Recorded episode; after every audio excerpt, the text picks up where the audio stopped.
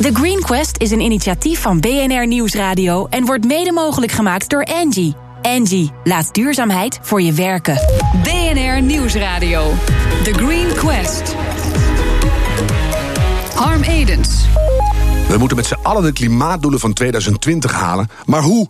Welke ontwikkelingen maken Nederland echt duurzamer? Dat hoor je in The Green Quest, de zoektocht naar de meest gedurfde innovaties. Het was een week vol belangrijk duurzaam nieuws. De staat verliest het hoge beroep in de klimaatzaak van Stichting Urgenda. De staat moet ervoor zorgen dat er in 2020 minimaal 25% minder CO2 wordt uitgestoten. BP wil een nieuwe raffinaderij bouwen om schonere brandstoffen te produceren. Maar die nieuwe fabriek stoot wel veel CO2 uit. Voor de eerste keer heeft de onafhankelijke commissie voor Milieu-effectrapportage, de MER, gesteld dat BP het project moet toetsen aan de klimaatakkoorden van Parijs en Nederland. En president Trump heeft verklaard dat klimaatverandering toch bestaat. Maar dat de klimaatverandering vanzelf terug verandert. Nou, gelukkig, we kunnen naar huis. Het journalistieke platform De Correspondent kwam met spectaculair nieuws. Ze gaan hun CO2-uitstoot vertienvoudigd compenseren. En ze stimuleren andere bedrijven om net zoiets te doen aan de hand van een stappenplan. Sebastian Kersten, medeoprichter en algemeen directeur van de correspondent. Klinkt mooi meteen al. Hè? Stap 1 van jullie stappenplan luidt: formuleer een groene ambitie. Hoe ging dat bij jullie zelf? Um, dat vooral vanuit de organisatie heel erg de vraag kwam: um, wat kunnen we gaan doen? Uh, wat zijn stappen? En eigenlijk het belangrijkste punt was. We kwamen er niet meteen concreet uit. Um, we hebben er veel over gepraat, uh, onder leiding van Jelmer Mommers, die het geïnitieerd heeft. Um, tot we uiteindelijk bij een brainstorm zaten en uh, met z'n allen hadden van. Laten we het laaghangend fruit in ieder geval gaan pakken. Dan hebben we in ieder geval stap 1 gemaakt. De rest komt vanzelf. Hoe, hoe merkte je dat die vragen er waren? Begonnen mensen te utteren dat er geen plastic bak stond... of dat je te veel dubbelzijdig kopieerde? Nou, we hebben altijd wel uh, wat afval gescheiden, voor zover mogelijk. Uh, maar die bakken die waren ook altijd soort van dubieus... in uh, wat er dan toch weer inging. Ehm, na een tijdje kwamen we erachter dat er meer vraag was... naar grotere stappen, want afval scheiden alleen maar is niet de oplossing... Mm -hmm. Um, en als organisatie, we schrijven er natuurlijk vanaf het begin al over. En um, uh, hoe langer we erover schreven, hoe meer de vraag naar boven kwam. En nu? Wat gaan we nu zelf doen? Het is altijd de ellende. Als je erin duikt, wordt het probleem eerst groter. Ja. Dus toen dachten jullie laaghangend fruit, maar zelfs dat moet je toch eerst plukken. Dus jullie zijn gaan werken in het hele proces met een team van experts. Wie waren dat en, en met welke adviezen kwamen ze richting jullie? Um, nou, we hebben um, extern hulp gezocht van uh, mensen die ons in het eerste oproep, een, uh, iets meer dan een jaar geleden, hebben geholpen met het tot stand komen van zo'n stappenplan. Um, ik ben er zelf ook niet bij geweest bij uh, die stappen. En dat vind ik eigenlijk ook een heel positief iets. Want ik kan er nu als redelijke buitenstaander uh, instappen. Mm -hmm. En ik beschouw mijn rol hier eigenlijk in als uh, een ieder ander bedrijf die dezezelfde vraagstukken heeft. Ja, ja, dus niet als je als directeur al meteen gaat remmen van ja, dat kost geld of dat is lastig, nee. doe maar niet. Dus je, bent echt, je hebt het daar gelaten waar het hoorde. Ja. Waar kwam dat idee voor een stappenplan vandaan? Um, vanuit eigenlijk uh, de vraag van hoe kun je dit nu praktisch in gaan richten. Um, als je alleen maar de negatieve berichten hoort en alleen maar hoort je moet er iets aan doen, we moeten er iets aan doen, het is urgent enzovoort, maar je hebt geen flauw benul wat dat betekent. Ja. Uh, het blijft abstract. Um, een stappenplan is dan heel fijn. Um, zowel in, in een organisatie al geheel, uh, misschien zelfs in het uh, beheren van je eigen persoonlijke budget, tot aan zoiets als uh, beter verduurzamen. Ja, sowieso een stappenplan. Ja. En de top 10 lijstjes zijn we dol op. Ja. Ik noem toch even die, die deskundigen die jullie hadden. Babette Porcelein onder andere, Rob van der Rijt, Frans de Kruijf, echt niet de minste. Die, die kwamen met adviezen. Kan je nog iets herinneren waarvan je dacht, hé, hey, dat proppen we in een stap? Uh, nee, nee, want uh, zoals ik al zei, ik was daar echt niet bij betrokken. Um, en en um, ik krijg dus eigenlijk het stappenplan gepresenteerd als een ieder ander. Mm -hmm. Maar je wist wel en, dat het goed onderbouwd was op die manier? Ik wist dat het goed onderbouwd was, ja. Kijk, ja. Ik, ik ga meteen even door naar stap 4. Dat is het doorrekenen van je eigen footprint. Ja. Dat hebben jullie gedaan. Klopt. Ben je geschrokken? Um, eigenlijk niet. Uh, als in, uh, ja, ik weet dat wij heel veel vliegen. Dat heeft natuurlijk ook heel erg met onze aankomende internationale expansie te maken. Een probleem wat uh, helaas voorlopig ook nog niet weggaat. Um, Maar um, de reden waarom ik niet schrok is eigenlijk omdat ik het kostenpatroon er tegenover zag staan. Mm uh, als ik zie wat een, uh, een ton compenseren bijvoorbeeld gaat kosten, um, dan vond ik het eigenlijk een beetje te belachelijk dat dat de prijs maar is voor compensatie. En waarom wij überhaupt zoveel praten over uh, compenseren en het niet doen. Ja, maar dan weet je dat de CO2-beprijzing op de loer ligt. Ja. Dus dan kan het bedrag wel eens aanmerkelijk omhoog schieten. Even tussendoor, waarom vliegen jullie zoveel? Is dat essentieel?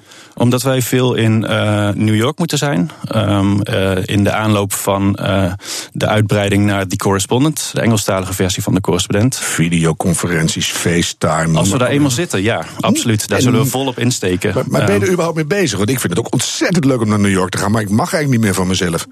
Uh, nou ja, zakelijke afspraken werken face-to-face altijd toch nog wel beter als je mensen nog net niet kent. Ja, ja, zei laatst een CEO tegen mij toen hij één dag naar China op en neer ging. Soms is er geen ontkomen aan nog, hè? Ja. Nou.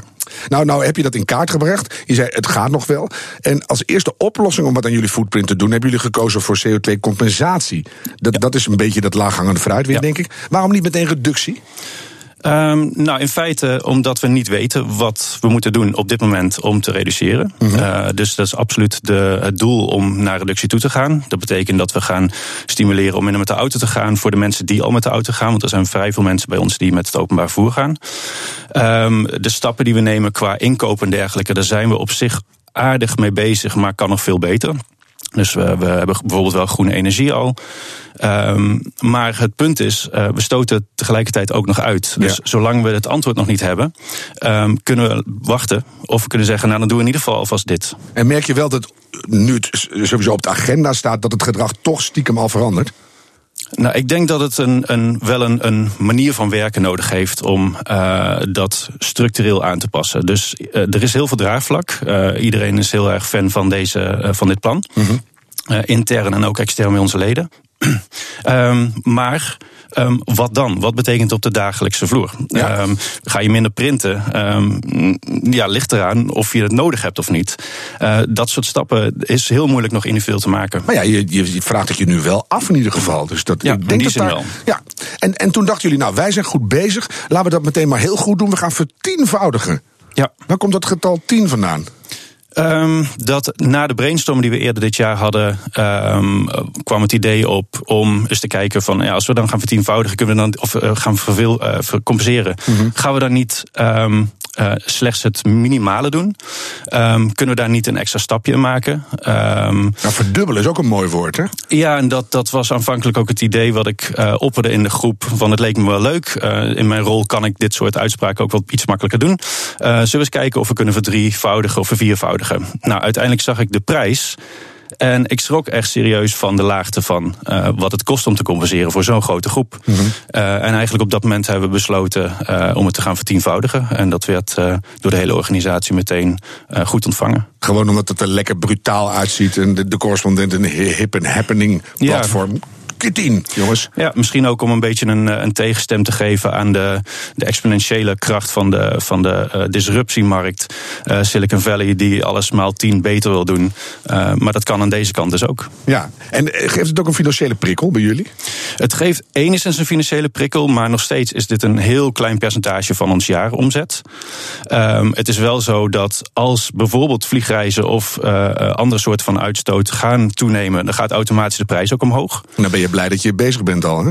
Uh, dan ben ik blij dat we bezig zijn. Maar het is ook een terugkerend item op onze begroting. En dus blijft het ieder jaar sowieso op de agenda staan. Ja, en, en vertienvoudigen. Ja.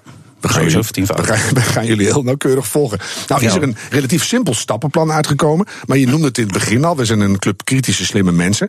Hebben jullie ontzettend moeten worstelen om, om het iedereen uh, nou ja, kenbaar te maken en ook er enthousiast voor te krijgen? Voor het stappenplan? Mm -hmm. Mm, nou, in principe niet. Maar Allemaal journalisten. Nee, maar dat kan je beter anders doen. Ik heb daar iets gelezen. Ik weet ook nog iets. Nou, dat lijkt me verschrikkelijk bij jullie. Nou, ik denk dat het nog steeds een, een kwestie is van toepassen. En daar gaat eigenlijk de komende tijd over. Um, we gaan het stappenplan zelf helemaal op ons toepassen. We gaan kijken wat we kunnen doen. Uh, we gaan ook rapporteren over de dingen waar we tegenaan lopen. Want sommige dingen zijn gewoon niet direct op te lossen. Um, sommige uh, zaken moeten we nou eenmaal doen, zoals reizen. We willen ook graag dat mensen um, op de redactie aanwezig zijn. Dus moeten ze naar ons toe komen. En dat betekent dus dat je niet alles meteen 100% perfect kan doen. Nee. Waarom denk je dat andere bedrijven dit ook gaan doen? En welke rol gaan jullie daar nog in spelen? Nou, ik, wat ik in ieder geval hoop te, te creëren hiermee is dat we het argument het is duur um, redelijk kunnen ontkrachten. Uh, want dat valt dus heel erg mee. Um, je moet je er wel op toeleggen. Maar ik denk dat we uh, langzamerhand toch wel moeten gaan realiseren dat we uh, met z'n allen een korting hebben genomen voor lange termijn op de echte kosten. En dat we die dadelijk toch gaan betalen met z'n allen. Dus het kan misschien nu gezien worden als kostenpost, ook al vind ik dat niet de juiste term. Mm -hmm. um, als je over twintig jaar uh, je bedrijf niet meer kunt voeren omdat simpelweg de dijken doorgebroken zijn, om een heel simpel ding te stellen, heb je een ander probleem. Ga je toch in New York zitten? Uh, ja, ik denk dat dat ook redelijk onder water staat. Gelukkig maar. Ja. Nee, want je, je bent nu winst aan het maken op kosten van de toekomst, hoor je? Ja. En dat is ook zo. Wanneer is het klaar, het plan? Wanneer is het af? Niet. Nooit. Nee. Het ontwikkelt door in uiteindelijk gedragsverandering. Ja, absoluut. Oh, en wanneer is dat klaar? Niet. Nooit. Het, klinkt heel simpel en uiteindelijk sta je er heel realistisch in. Ik ga je bedanken en heel veel succes. Sebastian Kersten, algemeen directeur van het steeds groener wordende correspondentplatform. Landlife Company blaast gedegradeerde grond nieuw leven in en koppelt daar een businessmodel aan. Na de reclame meer. Tot zo. BNR Nieuwsradio. The Green Quest. Welkom bij deel 2 van de Green Quest. We zijn op zoek naar de meest innovatieve projecten van Nederland die ons een stap dichter bij onze klimaatdoelen brengen. In deze competitie komen 40 geselecteerde bedrijven aan bod die hun innovatie komen pitchen. Vandaag zijn we aanbeland bij bedrijf nummer 7. En laten we kennis maken met de innovatie van deze week via een klein geluidsfragment. Our beautiful planet gives us so much clean air to breathe, rich soils to grow food. But we have taken too much.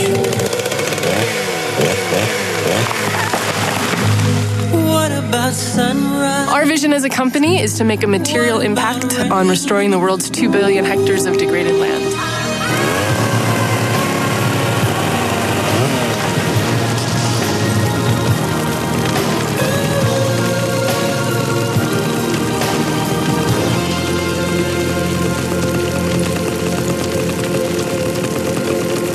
Two billion hectares.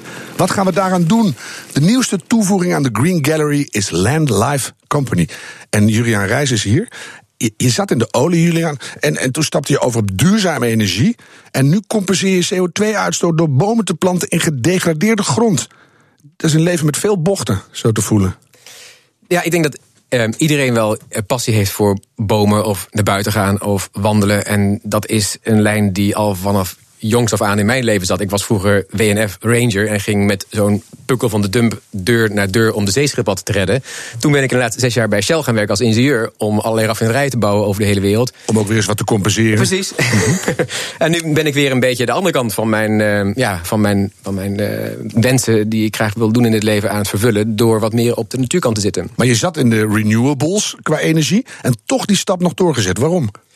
Ja, toen ik uh, in 2013 werd mijn uh, zoontje geboren. En uh, ik had inderdaad veel tijd gespendeerd aan wind en aan zon.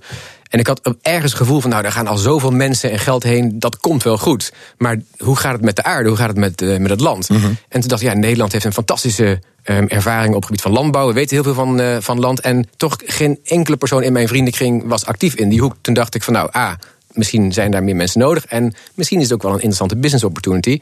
Als we maar niet te vroeg zijn daarmee. Ja. Dus vijf jaar geleden zijn we dat gestart. Met het idee dat ooit ergens iemand wil dat deze aarde weer gezond is. En alle bodem hersteld is. En onze missie is om een professioneel bedrijf op te zetten die dat gaat doen. Ik wil eerst even weten, want we gaan zo de technicalities doen. Wat is je lievelingsboom? Wat een goede vraag. um, een eik. Een eik. Toch? Ja, een eikenboom. Bij mij staat de ceder er nog net boven. Dat is ook een mooie oh, en de cypress en de beukers en zoveel. berg hou ik ook erg van trouwens. Nee, ik dan weer helemaal niet. Maar ja. laatst zag ik een mooie berg. Je, je, de basis van je innovatie is gedegradeerde grond. En, en uh, is dat dan uh, uh, het CO2 hers, de, de, uit de lucht halen wat het belangrijkste is, of die grond herstellen? Dat laatste. Wij zijn geen CO2-bedrijf. Wij maken graag gebruik van de markt die nu opkomt.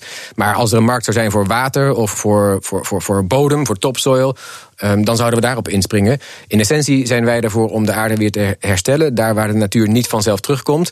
En het zou best kunnen zijn dat er over 20 jaar, als die CO2-markt niet meer er is, dat we dan iets anders zoeken waar we het geld op halen om te doen wat we willen doen. Want die, die grond is essentieel, hè? want er spoelt van alles weg, de ontbossing, het gaat echt heel slecht. Ja, dat is heel zorgelijk. Um, en eigenlijk zijn er een aantal catastrofes die uh, gaan gebeuren in de komende decennia, die op ons afkomen, die uh, we wel in de gaten hebben, maar eigenlijk niks aan doen. CO2 is er daar één van. Maar ja, wat ik net zei, er zijn heel veel voordelen van een goed bos. De, watervoorziening wereldwijd, daar weten we natuurlijk ook dat het een issue is. Maar eentje waar we eigenlijk te weinig over hebben, is topsoil. Als je eenmaal dat zand in de oceaan spoelt, ga het maar terughalen. Ja, dat wordt een duur grapje als het al kan. Wat doe je nou precies en waar doe je dit? Nou, waar dus de natuur niet vanzelf terugkomt, uh, dat zijn vaak de wat drogere gebieden. Daar planten wij uh, bossen terug met technologie. Dus de inzet is dat we uh, goed kijken naar welke bomen planten we, waar halen we de zaadjes vandaan, wat voor tools kunnen we gebruiken om die bomen te laten overleven. Dan houden we dat bij met satellieten en drones en kijken, zetten een blockchain dat iedereen kan meekijken wat we allemaal daar doen. En op die manier brengen we dus de natuur terug. En waar? In verloop van tijd. Nou, um, we zijn begonnen eigenlijk overal. Dus iedereen die ons wilde hebben, daar vlogen we heen en gingen we dat dan doen. Om het allemaal te testen en te kijken hoe het allemaal moest. Dan vloog je heen, dan moest je weer extra bomen planten. Precies. Maar goed, je moet ergens beginnen. Wij planten voldoende wat dat betreft. Mm -hmm. Maar nu zijn we ons eigenlijk ons richten aan uh, uh, op Europa en de Verenigde Staten. Um, we hebben uh, vorig jaar een paar miljoen omzet gemaakt. Dus het begon een beetje te lopen. En als je dan van een paar miljoen naar enkele tientallen miljoen omzet wil... dan moet je iets doen wat heel schaalbaar is. Mm -hmm. En waar je zeker weet dat je rekeningen betaald worden, waar heel veel ruimte is, waar veel bedrijven, mensen zijn die willen dat dit gebeurt. En onze uh, inzicht was dat er in Amerika en in Europa toch nog heel veel gebieden zijn. Hè, neem Spanje bijvoorbeeld, waar de grond gedegradeerd is. Daar kunnen wij nog heel lang aan de slag. En dat dus we gaan de komende de, jaren dat doen. De keuze om dan de, relatief dicht bij huis in goed georganiseerde samenlevingen te beginnen. Ja. Zodat je het bedrijf kan opbouwen en dan misschien de rest van de wereld. Ja, want de kwaliteit van de uh, credits die je dan genereert is natuurlijk heel belangrijk. Hè? Als je um, uh, iets genereert en twintig jaar later is het bos weg omdat er een oorlog is geweest of de economie gaat heel goed en het is gekapt voor een vliegveld. Mm -hmm. Ja, wat ga je dan zeggen tegen de Sebastians van deze wereld die uh, daar geld in gestopt hebben? Ja. Dus we dachten dat iets van um, kunnen zekerstellen dat het op lange termijn blijft bestaan. En dat het ook echt additioneel is. Nou, wat heb je daarvoor nodig? Duidelijk wie de grondeigenaar is. Een top-down agenda van de overheid dat ze het ook echt willen. Een goede logistieke infrastructuur enzovoort. Dus daarom kwamen we op de VS en op Europa. Ja, slimme keus, denk ik. Je gebruikt een soort cocoon. Wat is het voor een ding? Want ik, ik bemoei me af en toe best met bomen. Dan hoor je over waterboxen voor in de woestijngebieden. Is dit wezenlijk anders? Nee, het is helemaal niet anders. We hebben natuurlijk niet uitgevonden hoe je een boom plant. Dat uh, doen we al uh, 10.000 jaar. Er zijn ook Chinese handboeken waarin een kleipot met een katoenen lontje beschreven is... waar ze de bomen door de droge seizoenen heen hielpen. Ja. In Babylonië deden ze dit, in India doen ze het. Maar zelfs in Nederland, ik heb een krantartikel gezien uit 1895... waar ze in de lage vuurse turf met uh, lontjes op, uh, bij, de, bij de bomen... Dus, en het gebeurt nu weer in uh, de Waddeneilanden. Dus het concept van hoe we bomen kunnen planten... Dat, daar weten we wel heel veel vanaf. De permacultuur is daar heel erg geleerd in. En wat wij eigenlijk gedaan hebben... ik als chemisch ingenieur en Eduard Sane, mijn partner van Bugaboo... meer met de designkant in de achterhoofd... en hoe maak je nou iets goedkoop en groot... hebben gekeken hoe maak je hier nou een product van wat je kan schalen. -hmm. Dus het moet goedkoop zijn, het moet bioafbreekbaar zijn. Dat is trouwens nog best moeilijk. En um, het moet, er moet er veel in een container kunnen, zeg maar. Ja, nou dan heb je die, die cocoons erin gegooid met die bomen. Hoe lang duurt het dan dat die grond weer op peil is?